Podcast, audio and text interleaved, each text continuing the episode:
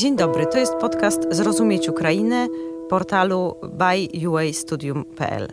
Podcast ma służyć lepszemu zrozumieniu Ukrainy, ukraińskiego społeczeństwa, dać polskim słuchaczom szeroki kontekst, w którym łatwiej zrozumieć obecną wojnę i ukraińskie społeczeństwo. Dzisiejszym moim gościem jest pani Gordana Kruci, która skończyła w Mariupolu stosunki międzynarodowe na Państwowym Uniwersytecie w Mariupolu. Od 2014 roku jest w Polsce. Przyjechała na stypendium, studiowała w Studium Europy Wschodniej. Dziś pracuje w jednej z międzynarodowych korporacji, jest koordynatorką projektów. Dzień dobry. Dzień dobry. Pani Gordano, pani mama jest w Mariupolu. Chciałam zapytać, kiedy ostatni raz miała pani z nią kontakt i jak ten kontakt wyglądał? Bezpośredni kontakt to była 2 marca. To był dzień, ostatni dzień, kiedy była w ogóle sieć w Mariupolu plus prąd. Od tych czasów nie słyszałam jej głosu, jednak tydzień po i potem jeszcze tydzień po udawało się spośród innych ludzi jakoś przekazać po jej stronie wiadomości, że jednak żyje. Początkowo to było, że napisała mi pismo, i które przekazała przez sąsiedzi sąsiedzi, żeby potwierdzić, że jednak z nią jest w miarę wszystko w porządku. A potem wyjechała nasza sąsiadka, więc dozwoniłam się do niej, potwierdziłam, sprawdziłam, co się dzieje, ale niestety jest to nie dialog, tylko przekazanie wiadomości po jednej stronie, więc mama nadal nie wie, co się dzieje za granicą Mariupola, nadal nie wie, czy dostałam te wiadomości, więc to również utrudnia tę sytuację. Czyli ostatni raz, kiedy wiadomość od pani do niej dotarła, to było mniej więcej dwa tygodnie temu, tak? To znaczy od mamy do mnie dwa tygodnie temu, mhm. ode mnie do mamy to już miesiąc akurat. Proszę powiedzieć, jak wygląda w ogóle, bo rozumiem, że no, śledzi pani w, w związku z tym, co się dzieje bardzo dokładnie sytuację w Mariupolu. Jak y, dzisiaj wygląda sytuacja ludności cywilnej? Jak przebiega ewakuacja? Czy w ogóle Pierwszy wątek dla mnie taki trudny, że o ewakuacji w Mariupolu, jak mówią, na poziomie państwowym, to w większości akurat chodzi o ewakuację z miasta Bierniack, które mhm. jest odłożone 90 km od Mariupola. Więc żeby tam się dostać, to w większości przypadków ludzie muszą samodzielnie podejmować jakiekolwiek kroki. W sytuacji, kiedy obstrzały się nie kończą, to jest pierwsze ryzykowne, a drugie jest kwestia tego, że albo samochody są zniszczone, które pozostały w mieście, albo brak paliwa, bo stacje z paliwem były zaatakowane jeszcze w pierwsze dni wojny więc to bardzo komplikuje sytuację. I od piątku, na ile dobrze pamiętam, już wolontariusze nie wpuszczane są do miasta, więc nawet te, można powiedzieć, bohaterowie, które na własne ryzyko próbowali wydobyć ludzi z miasta, już nie mogą tam wjechać. Ewakuacja jest, można powiedzieć, że istnieje, ale nie można powiedzieć, że idzie zbyt dobrze albo płynnie. Teraz czekam na rozwój sytuacji po zgłoszeniu prezydenta Turcji Erdogana, że on jednak te statki jest gotowy nadać, tylko że... Statki, które miałyby od strony morza ewakuować tak, ludność cywilną. Problem jest taki, że port, no to znaczy nie problem, a port Mariupolski, on jest nadal pod kontrolą Ukrainy, więc oczywiście strona rosyjska się nie zgodzi, żeby statki wchodziły na tereny Mariupola, więc zostaje tylko Bierdiansk i tu mamy ten sam problem, że 90 km, więc trzeba jakoś dostać tam. A drugie, większość osób, która wyjeżdża z miasta, mówi o tym, że przez ten wakum informacyjny oni nie wiedzą, czy będąc w mieście, oczywiście nie wiedzą, co się dzieje w Ukrainie, czy ma sens ewakuować się, bo oczywiście propaganda działa w taki sposób, że próbują namówić ludziom, że wszędzie w Ukrainie jest tak jak w Mariupolu, że nie ma gdzie uciekać, bo jest tylko gorzej. I jakby to również nie pomaga w tej sytuacji. No i z tego, co jest się ciekawych rzeczy, które mogą pomóc w tej sytuacji, w niedzielę przyjechał minister spraw zagranicznych Grecji przez Mołdowę do Odessy i jego cel docelowy to Mariupol, żeby przywieźć tam pomoc humanitarną. Nie wiem, czy mu się uda. Miał kontaktować się z organizacją Czerwonego Krzyża, Póki co jest w Odesie ostatnio, co wiedziałam, a również jestem ciekawa, czy jego wysiłek na poziomie międzynarodowym przyniesie jakieś sukcesy w tym kierunku. Mhm. Bo pomoc humanitarna żadnego razu nie była wwieziona do miasta. Mhm. Dodajmy, że Mariupol jest ostatnim punktem tak, na wybrzeżu Morza Azowskiego, y, gdzie taka... toczą się walki i gdzie jest y, ukraińska y, kontrola. Tak? To jest taka mała kropeczka, jeżeli teraz popatrzeć niestety na mapę. Wszędzie już widzimy, że tereny, mam nadzieję, tymczasowo okupowane przez Rosję i ku zaskoczeniu większości osób jesteśmy w takiej sytuacji już od, można powiedzieć, od pierwszego tygodnia marca, bo Bierdiansk nie była żadnej walki, to była po prostu natychmiastowa akcja. Miasto nie to, że się podało, po prostu nie była przygotowane do walki. Wszystkie małe wioski w okolicy to samo. Już Rosja zaczyna tam organizować własne samorządy, wdrażać jakieś administracyjne rzeczy. Już operatory Związku Mobilnego na terenach Wybrzeża Azowskiego działają tylko rosyjskie, nazywa się Phoenix co komplikuje sytuację. Chodzi bo... o telefony komórkowe, tak? tak? Mhm. To znaczy, poprzednio, będąc w Bierdiansku, można było co najmniej skoordynować autobusy, autokary, samochody, bo działała sieć ukraińska. Teraz działa tylko ten Phoenix, więc przekazanie wiadomości o tym, że autobusy stoją w takim miejscu Ukraińcom, które tam się znajdują, no teraz również jest takim wyzwaniem. A jak wygląda w ogóle sytuacja w samym mieście? Wiemy, że miasta broni pułk Azow, natomiast jak wygląda sprawa z władzami cywilnymi? Czy to jest tak, że część miasta miasta jest pod kontrolą rosyjską, część ukraińską, czy całe miasto jest pod kontrolą ukraińską? Niestety nie jest całość pod kontrolą ukraińską. Jakby trudno mi oszacować, bo wiadomo, że teraz przepływ informacji nie jest zbyt mhm. klarowny. Zarząd miasta po stronie Ukrainy wyjechał je się w pierwszych dniach, więc wszystko, co działa, to albo organizowane przez Azow, Siły Zbrojne Ukrainy, to znaczy sama organizacja w taki sposób, albo przez osobnych e, wolontariuszy.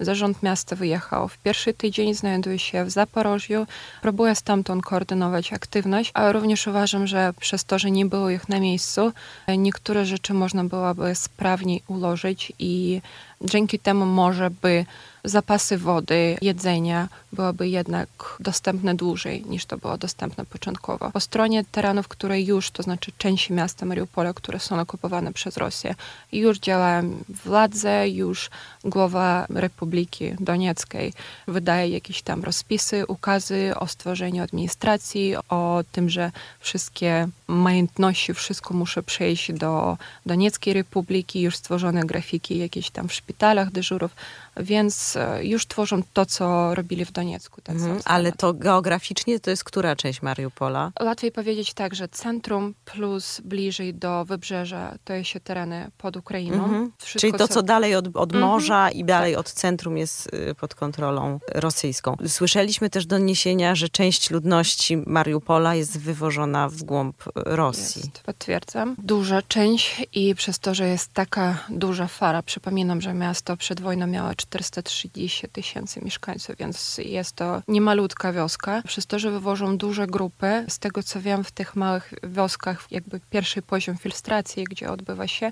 tam robią się kolejki, że trzeba czekać na rozpodział do rosyjskiego miasta przez tygodnie nawet już, że po prostu tam siedzisz i czekasz. Czyli ludzie sami się zgłaszają, żeby być wywiezieni Niektórzy do tak, Rosji? niektórzy nie. Niektórzy mhm. są zdesperowani i po prostu chcą jakiejkolwiek pomocy, bo nie były mhm. przygotowane, to znaczy nie mieli zapasów żywności, wody, potrzebują jakiejś pomocy medycznej, no to wtedy oczywiście się zgłaszają. Niektóre wywożone po prostu mówią, że ta część będzie wyczyszczona, więc prosimy po prostu macie 30 minut na to, żeby się spakować i do jedzenia. Kilka dni temu temu ukazał się w rosyjskich prorządowych mediach wywiad z Marianną Wyszemirską, kobietą, której zdjęcie stało się taką ikoną cierpiącego Mariupola, ponieważ była jedną z tych kobiet ciężarnych ewakuowanych ze szpitala położniczego. Natomiast w tym wywiadzie ona twierdzi, że nie było żadnego ataku na, na szpital. Mówi, że pokaleczyła się szkłem. Jak pani się oglądało ten wywiad? Co pani sądzi o tym? Oglądam wszystko już z takim dystansem, że gorzej niż oglądanie wywiadów Kadyrowa na temat Mariupola już nic nie będzie. To tak na marginesie. Rozumiem, że człowiek teraz się znajduje na terenach Rosji. Mówi, że początkowo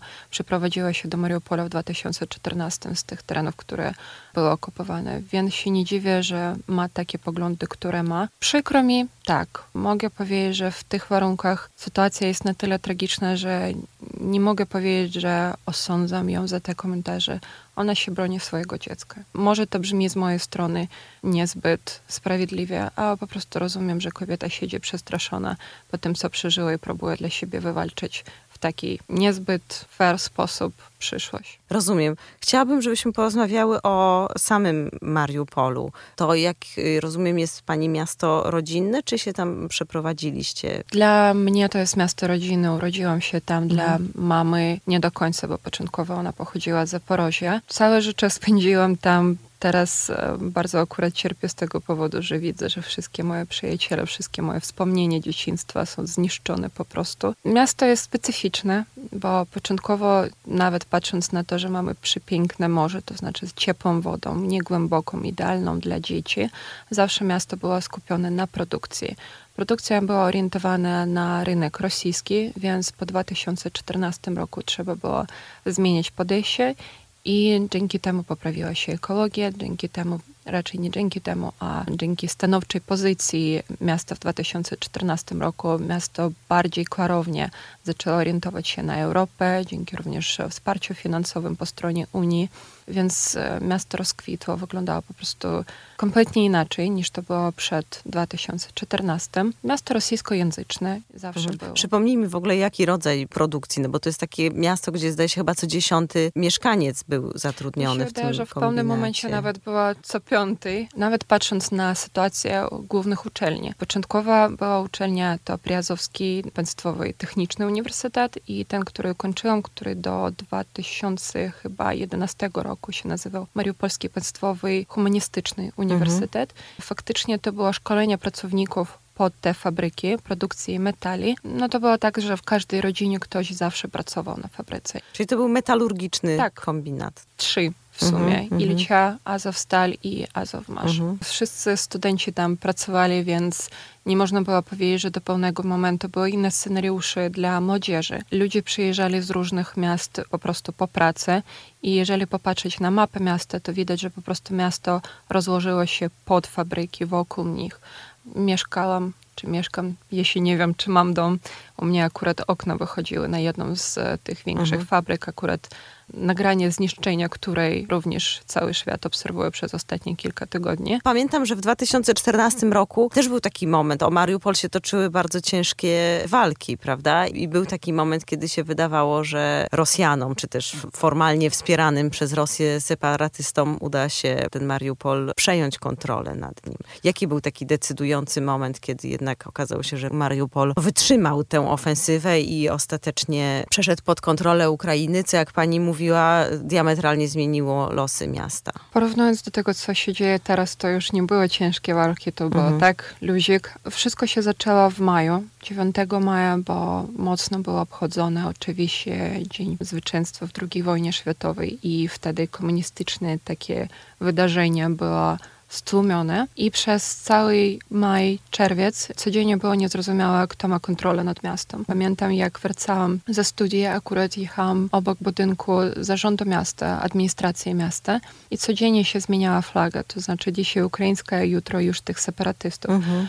Teraz ten budynek jest zniszczony, akurat wtedy został zniszczony. Mi się wydaje, że przez to, że mieliśmy okazję zobaczyć, co się działo w Doniecku, jaki los był u tych miast, które były okupowane przez Rosję, to nawet te osoby starsze, które miały sentyment do Związku Radzieckiego, do Rosji, dla nich już było bardziej widoczne, że jednak nie jest to to samo, że jednak jest to coś innego, bardziej agresywnego, które nie ma na celu im przywrócić te piękne czasy, a tylko zniszczyć to, co jest. Organizacje proukraińskie bardzo się aktywizowały w tym momencie, żeby tą ludność ukraińską jednak podtrzymywać, pokazywać w mediach, że miasto nie chce być pod kontrolą Rosji, no bo nie ukrywajmy, wtedy pojawił się mit, że jeżeli miasto jest rosyjskojęzyczne, jeżeli się znajduje w Donbasie, to cały Donbas jest podobny. W mediach już było, no Mariupol to będzie drugi Doniec. Te grupy aktywistów proukraińskich wychodzili na ulicę, jednak próbowali pokazać, to również dawało takie poparcie ze strony Ukraińców, że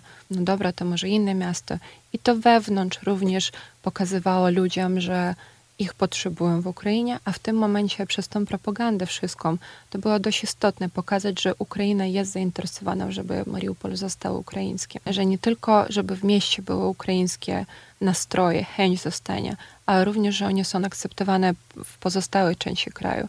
No bo przez 20 lat było mówione, że jesteście częścią Rosji, nikt was nie potrzebuje na tej Ukrainie Zachodniej. Mhm. Z takiej to może na marginesie historii o tej propagandzie. W 2013 roku, to znaczy ostatnie lato przed e, wojną, uczestniczyłam w takiej szkole, która się nazywała historyczno-politologiczną. Organizatorem występował Doniecki Uniwersytet Państwowy. Nie pamiętam szczegółów. Chodzi o to, że wywieziono było grupy studentów bardzo aktywnych aktywnych po kierunkach jak to historia, stosunki międzynarodowe, politologia do miasta Słowiańsk na tydzień i codziennie miały być wywiady pogłębiające naszą wiedzę oczywiście w takich kierunkach. Ku zaskoczeniu okazało się, że to była taka akcja bardzo nastawiona na to, żeby młodzieży wytłumaczyć, że kierunek rozwoju dla Donbasu jest tylko jeden, to jest integracja przez Rosję. Niemożliwe było uciec z tego miasta, bo było najbliższe miasteczko, taki był obwóz, a najbliższe mhm. miasto było w 9 kilometrów od nas mhm, z mhm. Butej. I po prostu przez tydzień, zaczynając od e, wykładowców, które potem zrobiły się znanymi postaciami w Republice Donieckiej i kończąc tym, że nawet księż przyjeżdżał, nam tłumaczyli po prostu notorycznie w ciągu tygodnia o tym, że integracja Ukrainy do Unii Europejskiej możliwa tylko przez Rosję, że e, Rosja to jest ten brat, który nas wspiera. I to jest jeden z takich wielu przykładów. Chodzi o to, że ta propagandowa kampania na rzecz reintegracji z Rosją była prowadzona już przed Majdanem, tak? Nawet patrząc teraz już na mhm. spokojnie, mogę powiedzieć, że naprawdę całe moje dzieciństwo to mogę znaleźć jakieś takie momenty. To jest po prostu taki najbardziej klarownie, wizualnie mhm. można określić, że to był ten moment propagandy. I to było działane jakby na młodzież. Mhm. A, A jakie było stanowisko, przepraszam, że się wcięłam, stanowisko tych innych studentów? Rozmawialiście między sobą tak. o tym, co się dzieje? No, taka szkoła letnia tak, była, tak? Ta grupa moja z Mariupola, to dla nas to było po prostu absurd niesamowity. W pewnym mhm. momencie kłóciliśmy się z organizatorem tego, że to nie jest coś, na co wyrażaliśmy zgodę, że to jest po prostu bzdura, absurd. Otwarcie powiem, przez większość wykładów czytałam 1984 Orwella, mhm. bardzo symbolicznie akurat. Próbowaliśmy postawić się. Nie mogę powiedzieć, że wszystkie grupy tak reagowały, bo przypominam, że to było z różnych miast, ale w większości to było takie niezrozumienie, jakim cudem to się dzieje, w ogóle po co to się dzieje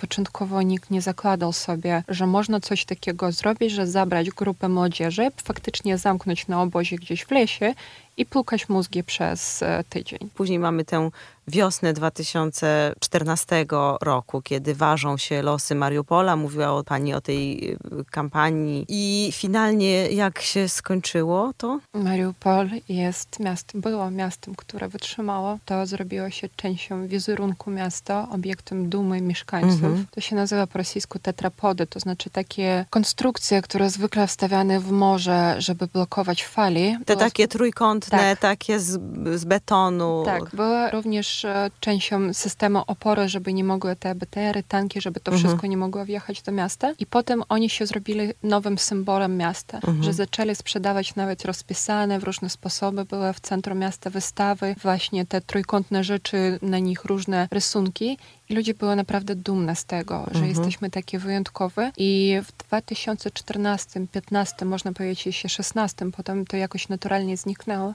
pojawił się mit, że Mariupol to nie Donbas, Mariupol to Priazowie. I dla mieszkańców zależało na to, żeby podkreślić, że nie jesteśmy częścią tego mitu, że jesteśmy inne, jesteśmy mhm. tą kulturą może, na każdy sposób próbowali podkreślić, że jednak różnimy się w swoim światopoglądzie. To są różnice światopoglądowe, a interesuje mnie, kim byli mieszkańcy Mariupola. Rozumiem, że jak był duży przemysł, to najprawdopodobniej no, mieszkańcy byli bardzo różnego pochodzenia, prawda? Do dużego miasta przemysłowego spływa ludność z innych stron. Tak jak pani patrzy, nie wiem, po swoich sąsiadach, po swoich kolegach, koleżankach, z kogo się składała ludność Mariupola? Według oficjalnych spisów, no oczywiście większość to Ukraińcy, drugie miejsce Rosjanie. A mhm. to trzeba uważać, w czasy Związku Radzieckiego oczywiście, że nie było możliwości za bardzo samoidentyfikować się i każdy był zmuszany wybrać albo A, albo B opcję.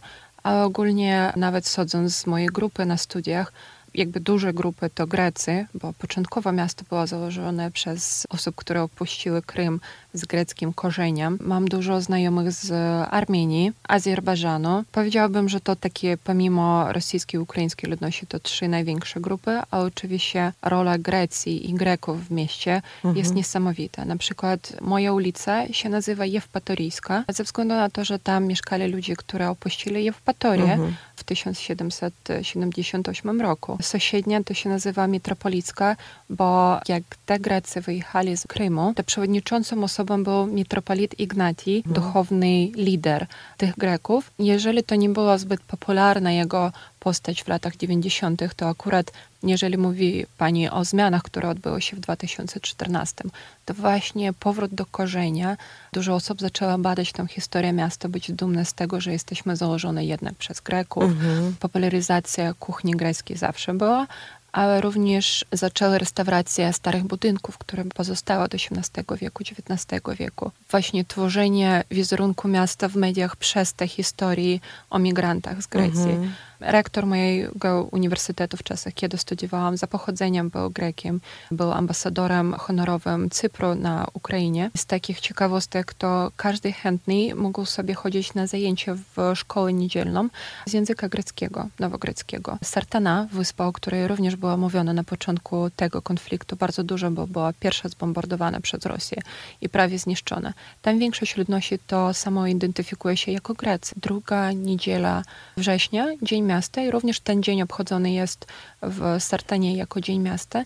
I to zawsze ten cały proces nie robiony w stylu ukraińskim, a gotowane potrawy greckie, śpiewają pieśni greckie. Dużo osób mówi w języku greckim i przyjeżdżają nawet osoby jakieś wysoko postawione z Grecji. Więc to również jest taki element zaskakujący, który lama ten mit, że trzeba ratować ruskich z Mariupola, bo jest po prostu mieszanka. No i je się z takich rzeczy mieczet. Mamy na terenach Mariupola piękny mieczet, Roxolany. To jest potwierdzenie, że również mamy dużą ludność muzułmańską. To są muzułmanie skąd? Turcji. Jeszcze chciałabym zapytać też o takie rzeczy związane właśnie z polityką, na przykład te władze lokalne Mariupola, które były tuż przed wojną. To byli ludzie związani z jakim ugrupowaniem? Oficjalnie to były ludzie bardzo proukraińskie, z pozycją mhm. stanowczą. Nieoficjalnie to ostatni burmistrz burmistrz miasta, jakby osoba z pochodzenia z grupy Mietinwiest. Początkowo on był dyrektorem naczelnym tego zawodu w Mariupolu, który jest częścią Metinwestu, który mhm. jest częścią tego Achmietowa kompleksu całego, więc nie można powiedzieć, że to była taka prosta i oczywista postać. W mieście nawet było mówione, że był postawiony do wyboru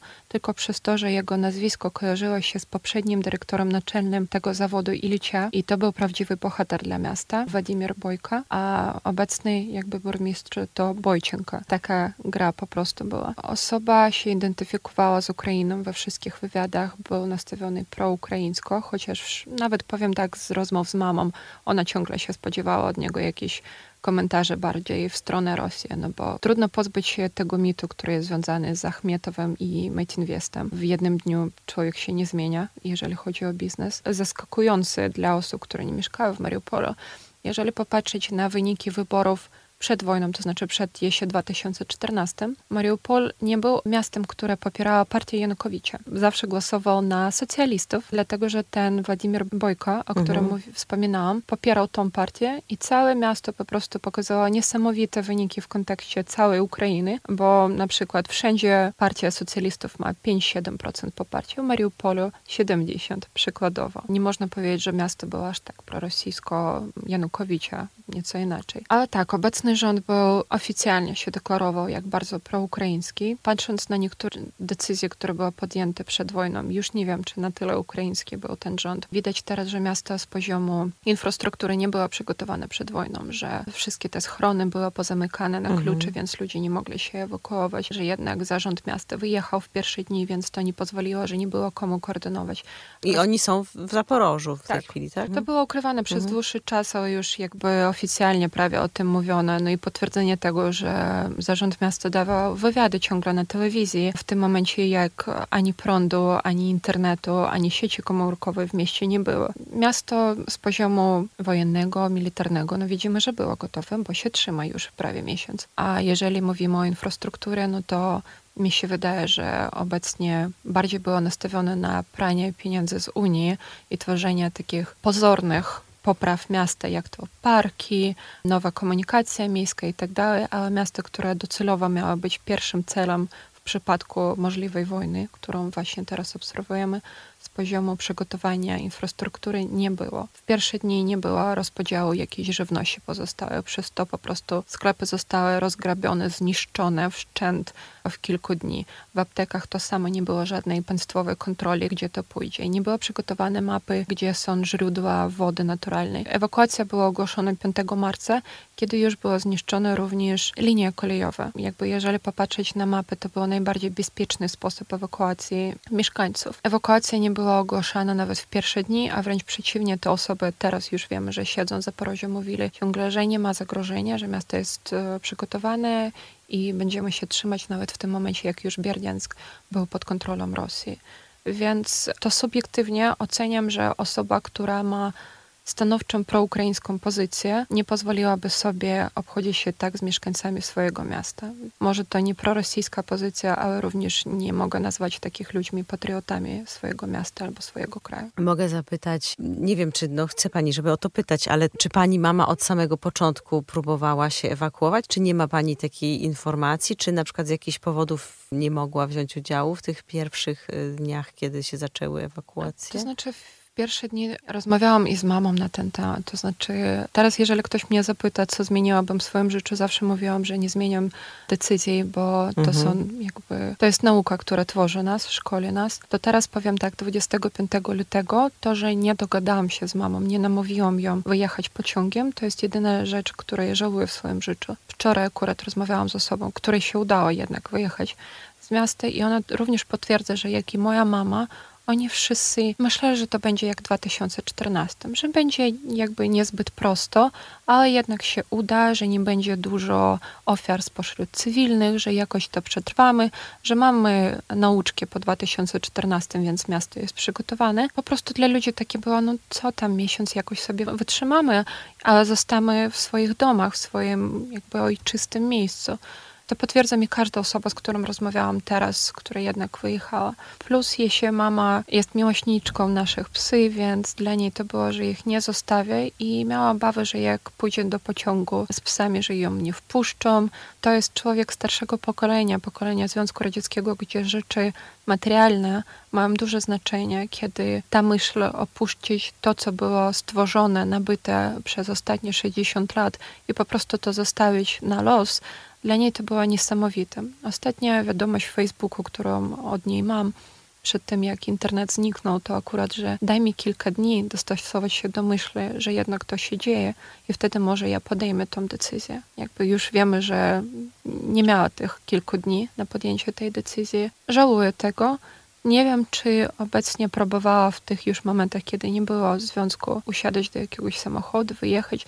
Zakładam, że nie, bo znów taki ten wakum informacyjny tworzył taki wizerunek, że cały kraj płynie w ogniu. Wyjechać również z Mariupola to być taką idealny cel do jakiejś prowokacji, że jeżeli teraz ona pojedzie w pociągu, to po prostu coś się stanie z tym pociągiem, prowokacja, żeby to... Ale de facto nie ma już możliwości wyjechać Nie, to znaczy pociągiem. to było w pierwszy -hmm, tydzień. -hmm. Teraz mi się wydaje, że ona ma ten sam sposób myślenia odnosi wyjazdu autobusów. Mhm. No a drugie, no, pech to nie grzech, mieszkamy w centrum, więc w centrum toczą się walki na ulicach od dwóch tygodni już, więc tam po prostu nawet się nie da wyjść z budynku. Wiadomo, jakby mhm. wiem, to nie od mamy, ale po prostu mhm. zbieram te informacje w różnych grupach od ludzi, które jednak wyjechały z tej części. Można powiedzieć, że to jest z jednej strony dużo miłości do swojego miasta, z jednej strony wakum informacyjny, a z trzeciej to jakaś taka ślepa wiara, że jeżeli raz się udało, to i drugi raz przetrwamy. Rozumiem, że mieszkacie w bloku, tak? W... Nie, Nie, mamy w domu. E, w domu. To właśnie szok dla większości osób, jak mówię, że mieszkamy w samym centrum miasta, to znaczy 10 minut z buta od mhm. teatru, który został zniszczony. Mhm, to mhm. akurat ludziom z zagranicy dobrze tłumaczy, gdzie to jest. A to jest sam centrum miasta, bo to jest ulice założone przez jak mówiłam, Greków mm -hmm, się mm -hmm, na samym mm -hmm, początku. Rozumiem. Bardzo dziękuję za tę rozmowę i życzę pani, żeby jak najszybciej udało się pani skontaktować z mamą. Przypominam, że to był podcast Zrozumieć Ukrainę, a rozmawiała ze mną Gordana Kruci, Ukrainka z Mariupola. Dziękuję bardzo.